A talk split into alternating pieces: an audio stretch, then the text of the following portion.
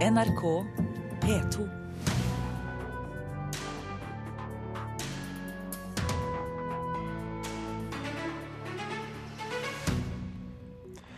Denne uken faller dommen i tidenes største hevnpornosak i USA. Også norske jenter kan være rammet. Apple snur etter at Taylor Swift i går skrev et åpent protestbrev til selskapet. Vil likevel betale artister i en gratis prøveperiode. Og president Obama overrasker amerikanske medier med å la seg intervjue på podkast av en standup-komiker. Ja, Tilfeldighetene vil at det blir stort og smått fra USA i denne sendingen i dag. Amerikansk kulturnytt får du med Birger Kolsrud Aasund i studio. Denne uken faller altså dommen i tidenes største hevnpornosak i USA. En dom som også kan gjelde norske jenter og kvinner. Mannen som skal til doms, levde i tre år av å publisere nakenbilder og sexvideoer av uvitende jenter og gutter på internett, og har fått tittelen 'Internetts mest forhatte mann'. What is your motive? So, uh, just getting that information out to everybody. Nei, dette handler ikke om penger, det handler bare om å spre informasjon ut til alle, sier 25 år gamle Hunter Moore. Om det selvtilfredse smilet hans betyr at han ikke bryr seg, eller om det er en forsvarsmekanisme, er vanskelig å si. Det som uansett er rart, og som publikum reagerer på, er hvor uanfektet og kul han virker i sofaen til talkshow-vert Anderson Cooper. Ved siden av seg har han nemlig to rasende kvinner som fant nakenbilder av seg selv på nettsiden hans. I don't feel it's sleazy at all. Really? Yeah. The people that they're trusting are the ones that are submitting it, so why isn't the blame pointed at them? Det er ikke jeg som er den sleske, det er ekskjærestene deres som dere stolte på, som har sendt meg bildene, fortsetter Moore. Dette var fire år siden. Først denne uken faller dommen mot det som kalles internetts mest forhatte mann. I mellomtiden har Hunter Moore levd fett og blitt kjendis på andres ulykke. Fenomenet heter hevnporno. Sinte menn og kvinner som ønsker å ødelegge livet til eksen ved å publisere nakenbilder og personopplysninger om dem på internett. Moores gamle side isanyoneUp.com spesialiserte seg på dette og hadde, ifølge ham selv, 30 millioner unike brukere hver måned. Hunter Moore har ødelagt livet til hundrevis av mennesker verden over, sier Hans Marius Tessem i slettmeg.no. Vi har klare indikasjoner på at eh, det òg har vært norske jenter på, på den siden. Basert på det han har gjort, så må jeg jo kunne si at uh, han har vært enten en drittsekk eller en person som ikke har skjønt omfanget av det han har holdt på med, og hvor mye han har ødelagt for folk. Hvert år mottar slettmeg.no mellom 30 og 40 henvendelser fra fortvilte nordmenn som har fått spredt nakenbilder på internett av ekskjæresten. Likevel vegrer de fleste seg med å gå til politiet. Tessem tror derfor det kan ha stor betydning at Hunter Moore nå endelig blir dømt. Jeg tror den kan bli veldig viktig, eh, og grunnen til det er at vi altfor lenge nå har holdt på med offerklandring. Vi har sagt at aldri del et bilde. Så jeg håper vi ser en klar dreining over til at den som gjør det ulovlig, den som gjør det gærne, er den som blir tatt. Moore allegedly instructed an accomplice to gain unauthorized access to hack into victims' email accounts. More Hunter Moore leide til slutt inn en datahacker for å lete etter flere nakenbilder i intetanende jenters e-postkontoer. Det var blant de mange tiltalepunktene som ble lest opp fram tidligere i år. Han erklærte seg skyldig i alt, og det var trolig lurt, for da kan straffen bli mindre. I april fikk nemlig en annen mann fra California hele 18 år i fengsel for omtrent det samme. Og apropos det, om noe formildende skal sies om Hunter Moore, så må det være at han ikke presset ofrene sine for penger for å fjerne bildene, slik den andre mannen gjorde. Men om det er et uttrykk for nåde, eller om Hunter Moore bare ikke kom på det, er vanskelig å si. Reporter her det var Petter Sommer. Sara Eline Grønvold, daglig leder i JURK, juridisk rådgiver i Rådgivning for kvinner. Du er også jurist og forfatter av boken Barn og personvern. Velkommen til Kulturnytt. Takk. Hvor stort er dette hevnpornofenomenet? Det er veldig vanskelig å si sikkert hvor stort det er, nettopp eh, som det var litt inne på i reportasjen vi hørte nå, eh, med at det er eh, grunn til å tro at det er en stor underrapportering av problemet. Um, Det har Kripos selvsagt også. Og vi hører at det er bare 30-40 som kontaktet slettmeg.no, men det er grunn til å tro også at det er mange som velger ikke å engang gå dit Og etter min oppfatning så er det nok eh, grunn til å anta at uh, en del av årsaken til det er nettopp, som dere var inne på her, med dette med offerklandring. At mange, spesielt da unge mennesker, uh, møter mye moralsk fordømmelse i media. Man hører offentlige myndighetspersoner, til og med politifolk, som da uttaler at dette er idiotisk å sende nakenbilder til, til kjæresten sin, f.eks. Ja, er det det? Nei, jeg mener ikke at det er det. Og jeg mener også at, eh, at flere nå må bli måte, tøffere til å ikke bare si at man er mot offerklandring, men også si rett ut at det er ikke idiotisk å sende nakenbilder til kjæresten sin. Velger du å sende nakenbilder til kjæresten din på Snapchat eller MMS, så er det ikke noen grunn til at du skal, skal være redd for at de skal havne på en eller annen side som arbeidsgiver og foreldre skal se senere. Hvilke konsekvenser tror du denne dommen kan få? Eh, jeg er nok ikke helt enig i at den kommer til å få så veldig store konsekvenser. og Noe av grunnen til det er at denne her, dommen og tiltalen handler jo ikke om hevnporno eh, i seg selv. Dette handler jo da om hacking og ID-tyveri. Og det ser vi også i en lignende sak som, nå, som nå er oppe i, i, Norge, hvor det da er snakk om helleri, er det da, er da som har blitt det straffebudet som er brukt. Um, hvor det da var, var å profitere på, på, de bildene da som, som ble lekket etter denne Snapsaved-skandalen. da. Um, så får man jo se hvordan det går. Men det er, det er nok et problem signaleffektmessig at man ikke uh, omtaler det som en seksualforbrytelse, og det som det hevnporno jo godt kan kalles. Men er det rett og slett mangel på uh, hva skal vi si, god juss her? I utgangspunktet ikke. Man har straffelovens paragraf 390 a, som, som veldig godt kan anvendes på disse forholdene.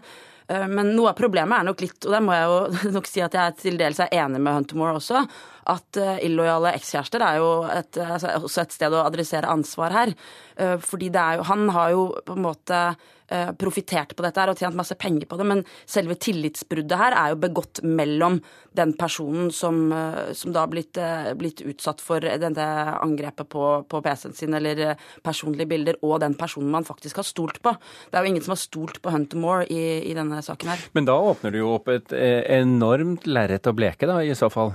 Ja da, men det må, man, det, må nesten, det må, man, nesten, gjøre. Og jeg mener at det er viktig, spesielt med tanke på å få flere til å, til å ta måte plassere skylden der den hører hjemme, da, så er det viktig nettopp det å, å, plassere ansvaret også der, der det skal være. Og det å sende nakenbilder av seg selv er et fenomen folk har gjort lenge. Man så Roald Amundsen som gjorde det også. Altså det er, det, problemet her er jo de nye mediekanalene hvor det er lettere da å bli utsatt for dataangrep, da, som vi også så på med kjente, kjente amerikanske filmskuespillerinner og sånn som ble utsatt for, for angrep på iCloud-kontoene sine. Mm. Kan jeg bare unnskylde å ikke være frekk, men jeg tror det var uh, Fridtjof Nansen? Fridtjof Nansen, ja. Unnskyld. takk. Ja, bare for ingen, uh, vi skal ikke legge det til last Nei, det skal vi ikke. uh, en del ønsker egne lover for hevnporno, og noen land har jo innført det, bl.a. Canada og Israel. Er det behov for det? I utgangspunktet så skal man jo ikke lovregulere i større grad enn det som er nødvendig. Og jeg mener jo at uh, straffelovens paragraf 390 ja, ville kunne brukes her. Og den har en strafferamme på inntil to år, som i de fleste tilfeller også vil kunne sies å være tilstrekkelig, da, for å bruke de ordene. Men hvis man skal bestemme seg for å, for å straffesanksjonere dette mer spesifikt, da, som, som hevnporno, så vil jo argumentet for det kunne være f.eks. den signaleffekten eh, det faktisk sender. Og så, så, er det jo noe med at man da får eh, på en måte også løftet frem dette tillitsbruddet da, som det innebærer når det er, eh, når det er noe man har, vært, man har stolt på, som har utsatt dem for dette. 390 A i straffeloven vil jo også ramme helt tilfeldige mennesker som plager deg på, på, en eller annen måte um, i å krenke freden din, da, som det heter. Sara Line Grønvold, daglig leder i JURK, tusen hjertelig takk for at du kom til Kulturnytt. Takk skal du ha.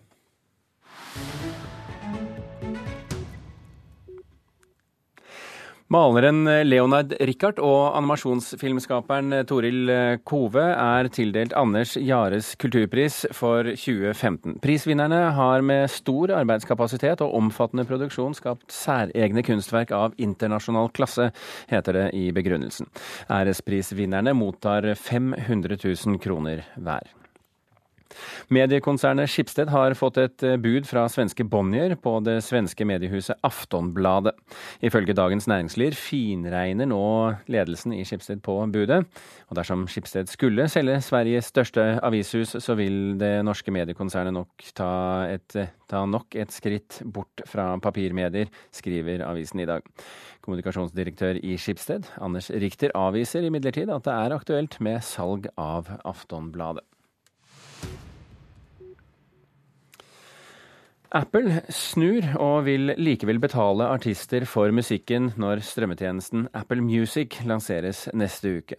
I går skrev Taylor Swift et åpent brev til Apple der hun protesterer mot planene selskapet har for Apple Music, og varslet at hun ville nekte dem å tilby det nye albumet hennes, 1989, i den nye strømmetjenesten. Og nå har hun altså blitt hørt, reporter Espen Alnes.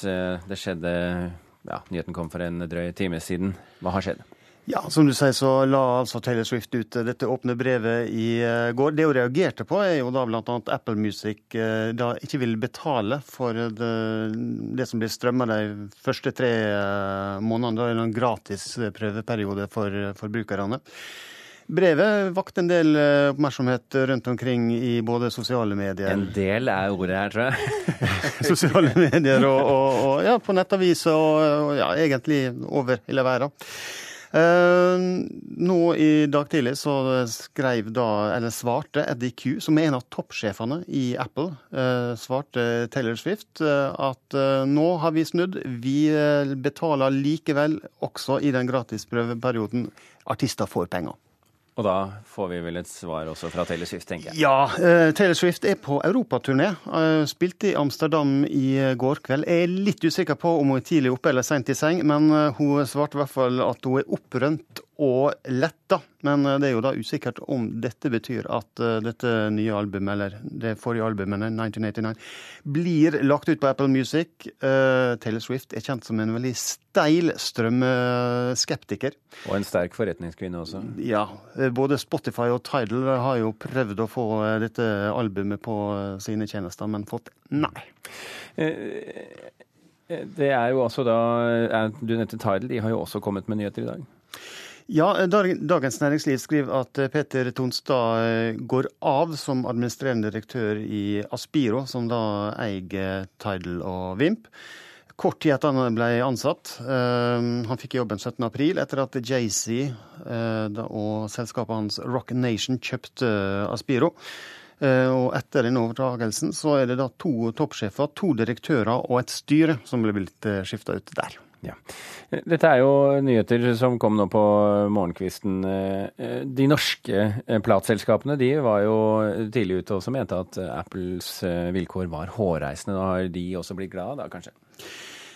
Ja, eh, altså NRK var i kontakt med flere plateselskap eh, i går, som da vurderte å droppe denne avtalen med Apple pga. disse brukervilkårene som eller eh, de avtalevilkårene vi snakka om i, i stad. Ikke minst fordi at de frykter at de samtidig skal tape penger på salg fra det som da per i dag er den største inntektskilden deres, nemlig Apples iTunes. Mm.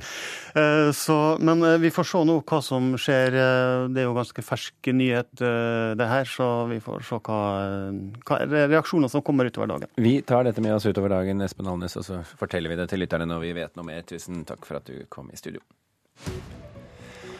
Klokken er passert 16 minutter over åtte. Du hører på Kulturnytt, og dette er toppsakene i Nyhetsmorgen nå.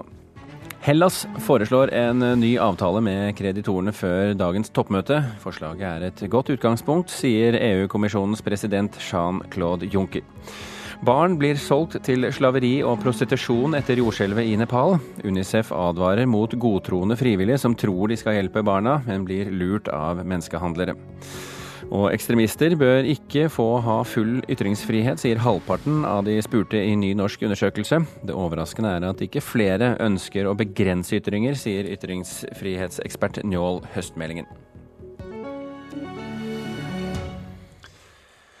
Før helgen overrasket den amerikanske standup-komikeren og podkastverten Mark Maroon Mark Maron sine faste lyttere med denne beskjeden.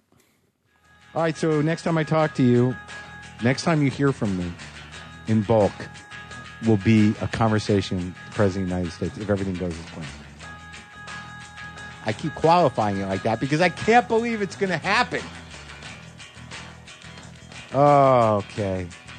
Last day of vacation. Boomer lives! Ja, Dette er altså Mark Maron, som for ordens skyld kan nevnes er mer enn bare en standup-komiker. Han er også forfatter, regissør, produsent og skuespiller. Likevel har det skapt stor oppmerksomhet at president Obama velger å la seg intervjue til en podkast. I etterkant av suksessen til den berømmelige Serial har det også dukket opp stadig nye podkaster her hjemme, og en av dem som jobber med podkast er Peter Dotland, redaktør for det skandinaviske radiodokumentarkollektivet Frekvens, og som for ordens skyld må vi nevne selger inn stoff til NRK. Eh, hva sier det om podkastens posisjon at presidenten i USA nå velger å delta på en? Det er jo for det første veldig nydelig at, at, en av verdens mektigste personer møter en såkalt fyr på, på gulvet. Eh, selv om eh, Mark Marion selvfølgelig er en velrenommert komiker. Han sa jo da i denne annonseringa, da han fortalte at Obama skulle komme, at ja, hvorfor skulle jeg frike ut over at presidenten kommer til huset mitt? Men, Nei, og ikke, men, jeg tror men, det er garasjen hans også, ja, tar jeg ikke helt feil? Det er garasjen han gjør opptak i, han sier huset sitt her. Eh, men herregud, jeg håper badet mitt er reint. Ja. Så det er jo helt nydelig at, at, eh, Obama gjør dette, og selvfølgelig er det sannsynligvis også et eh, kalkulert triks fra Obamas side for å vise solidaritet med, med gutta på, på gulvet, da. Men det viser jo da at podkast har blitt et respektert medium å, å vise seg fram i kanskje på, på lik linje med det talkshows og, og store debattforum har vært eh, i, i, mange år. Tror du at dette kan altså det er jo, eh, Som du nevner, det er jo ikke hvem som helst. Det er jo presidenten i USA. Tror du det kan få konsekvenser i mediemarkedet på noe vis? Jeg håper at dette vil sende et signal til podkastskapere her til lands verden rundt. Og, og som ber folk eh, ta podkastmediet på alvor som et journalistisk eh, produkt. Eh, Podkast kan være langt mer enn narsissisme. Det kan være noe stort, noe mektig. Du kan rett og slett få Obama på besøk. Og altså, jeg håper da at, at Aftenposten, VG, hvem som enn eh, lager podkast, tar, tar, litt inspirasjon fra dette. Kanskje inviterer Erna inn i studio, da. Selv om jeg rent personlig tror at du får bedre historier av postmannen din enn fra, enn fra Erna. Men det, ja, det, viser jo da at ta podkast på alvor. Legg tida di i, i, dette. Og hvis du bruker de riktige folka, så, mm. så kan dette bli fordømt eh, bra.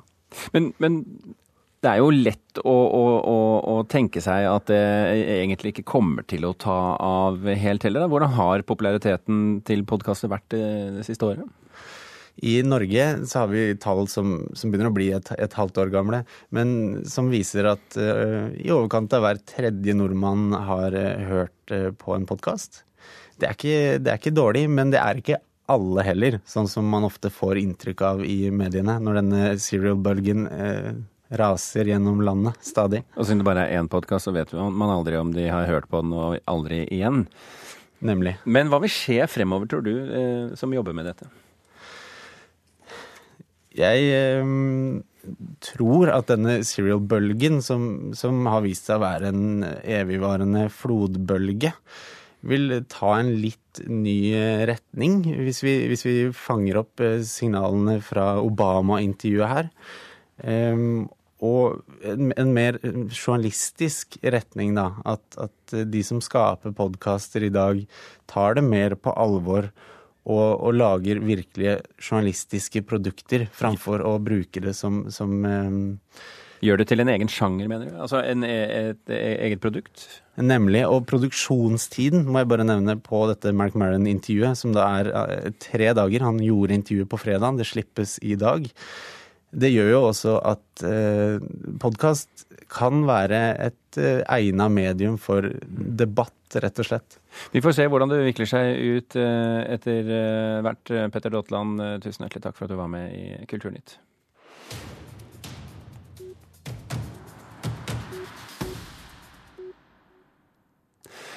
I dag lanserer eh, Sosialistisk Venstreparti et nytt kulturpolitisk program som skal fylle hullene i Kulturløftet de selv var med på i den rød-grønne regjeringen. Programmet peker ut fire satsingsområder bibliotek og kulturskoler, kunstneres levekår, mangfold og ytring, og digitalisering. Blant de konkrete forslagene for styrke kunstnerøkonomien er Eh, er at arbeidsstipendier må reguleres i takt med nasjonal lønnsutvikling. Det forteller kulturpolitisk talsmann Bård Vegar Solhjell. Og jeg syns eh, sjøl at noe av det mest interessante med utvalget sin innstilling er den kunstnerøkonomipakken, der man eh, foreslår en rekke tiltak for lønn, for at man skal kunne tjene av yrket sitt for pensjon og sosiale eh, ytelser, som er et eh, problem. Eh, men òg andre ting som eh, styrker støtten til eh, kunst og kultur i utlandet. Sikre faste stillinger på områder som dans og teater, der det er veldig få av dem. Ja, det sa altså SVs kulturpolitiske talsmann Bård Vegar Solhjell til reporter Runa Rød, og programmet skal vedtas av landsstyret til høsten. Og nå til en TV-serie som har premiere i dag. True Detective 2. Sometimes your worst self is your best self. My strong suspicion is we get the world we deserve. This isn't me doing this. This isn't me.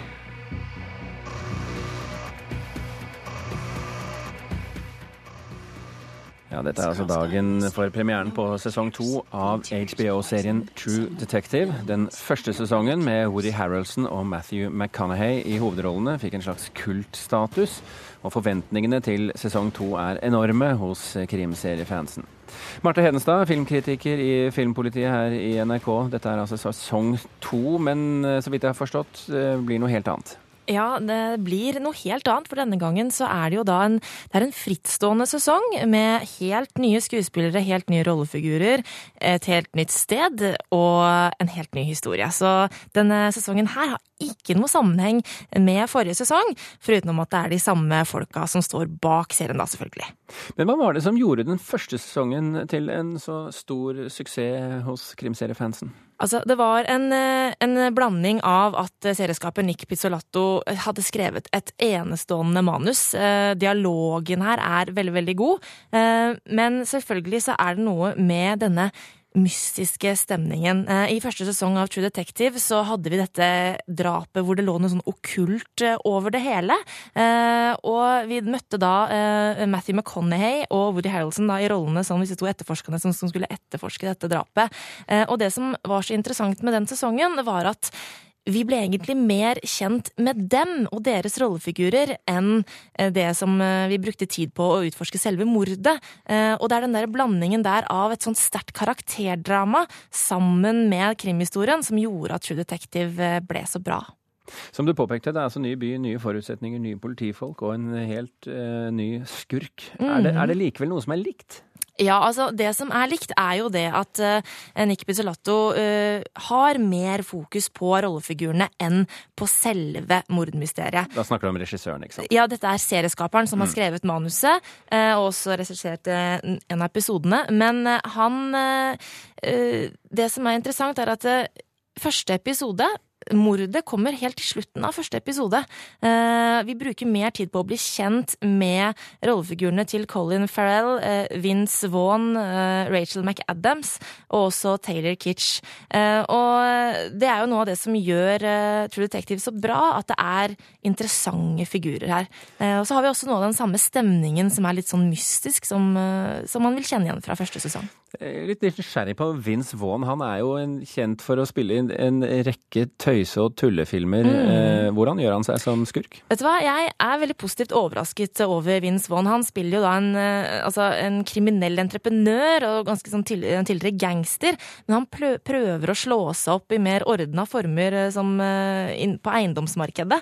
Men når det ikke går så bra, og dette drapet på rådmannen i byen ødelegger for hans planer, så faller han fort tilbake til gamle gangstervaner. Eh, og det som er interessant med Vince Vaughn, er at han klarer å spille denne kyniske, harde mannen med en sårhet i seg også, eh, som gjør at vi forstår hvorfor han gjør som han gjør. Eh, og det liker jeg veldig godt. Det samme kan jeg ikke si for Colin Farrell. Han spiller da denne korrupte politimannen som skal etterforske dette mordet, og han er virkelig en klisjé, altså, fordi han spiller da korrupt, og han er selvfølgelig alkoholisert, for han må drikke bort sine sorger og sin skam, ikke sånn sant? Sånn er det i krimserier. Ja, men det, han har ikke den samme tyngden da, som for eksempel Matthew McConney hadde i forrige sesong. Og det er lett å sammenligne de to, og da faller Pharrell gjennom, altså. Og McAdams, som også er kjent for eh, en rekke lette roller. Hvordan klarer hun seg? Ja, hun er veldig god. Eh, hun spiller da en eh, ganske sånn bitter eh, og hard eh, politietterforsker, men hun gjør seg godt. Og det, hun får faktisk også det beste ut av Colin Farrell. Noen av de beste scenene i de tre første episodene er når hun og Farrell har disse dialogene som bare egentlig er om alt og ingenting. Eh, Og jeg liker godt hennes eh, rolletolkning. Så ja, hun eh, liker jeg. Aftenposten var jo veldig begeistret i sin anmeldelse forrige uke. VG er noe mer avmålt mm. denne gangen. Hva syns du ut fra de første episodene du har sett? Ja. Har den noe svakheter? Den har absolutt noen svakheter, og det er blant annet Colin Farrell. Mm. og det er ikke Altså, historien er ikke like sterk og engasjerende som forrige gang. Jeg syns ikke rollefigurene er like engasjerende som forrige gang, men du har denne uh, True Detective-stemningen, dette mystiske preget uh, og uh, det gode manuset i bunn. Eh, så jeg ga de tre første episodene av True Detective eh, sesong to et terningkast fire. Marte Hedenstad, tusen hjertelig takk for at du var med oss fra eh, Trondheim. Vi tar med en korrigering på tampen. Det svenske mediekonsernet Bonnier vurderer å kjøpe Skipsted svenske avishus Aftonbladet. Eh, ifølge Dagens Næringsliv finregner Bonnier nå på et bud. Skipsted har altså ikke mottatt budet, slik vi sa tidligere i sendingen. I Kulturnytt i dag har du hørt at uh, det, denne uken faller en dom i tidenes hevnpornosak i USA. Også norske jenter kan ha vært uh, rammet. Og at Apple snur og vil likevel betale artister uh, de tre første månedene. Andrea Kvamme Hagen, Hanne Lunås og Birger Kolsrud Aasund står bak denne sendingen. Snart er Øystein Heggen klar med flere nyheter her eh, i denne kanalen.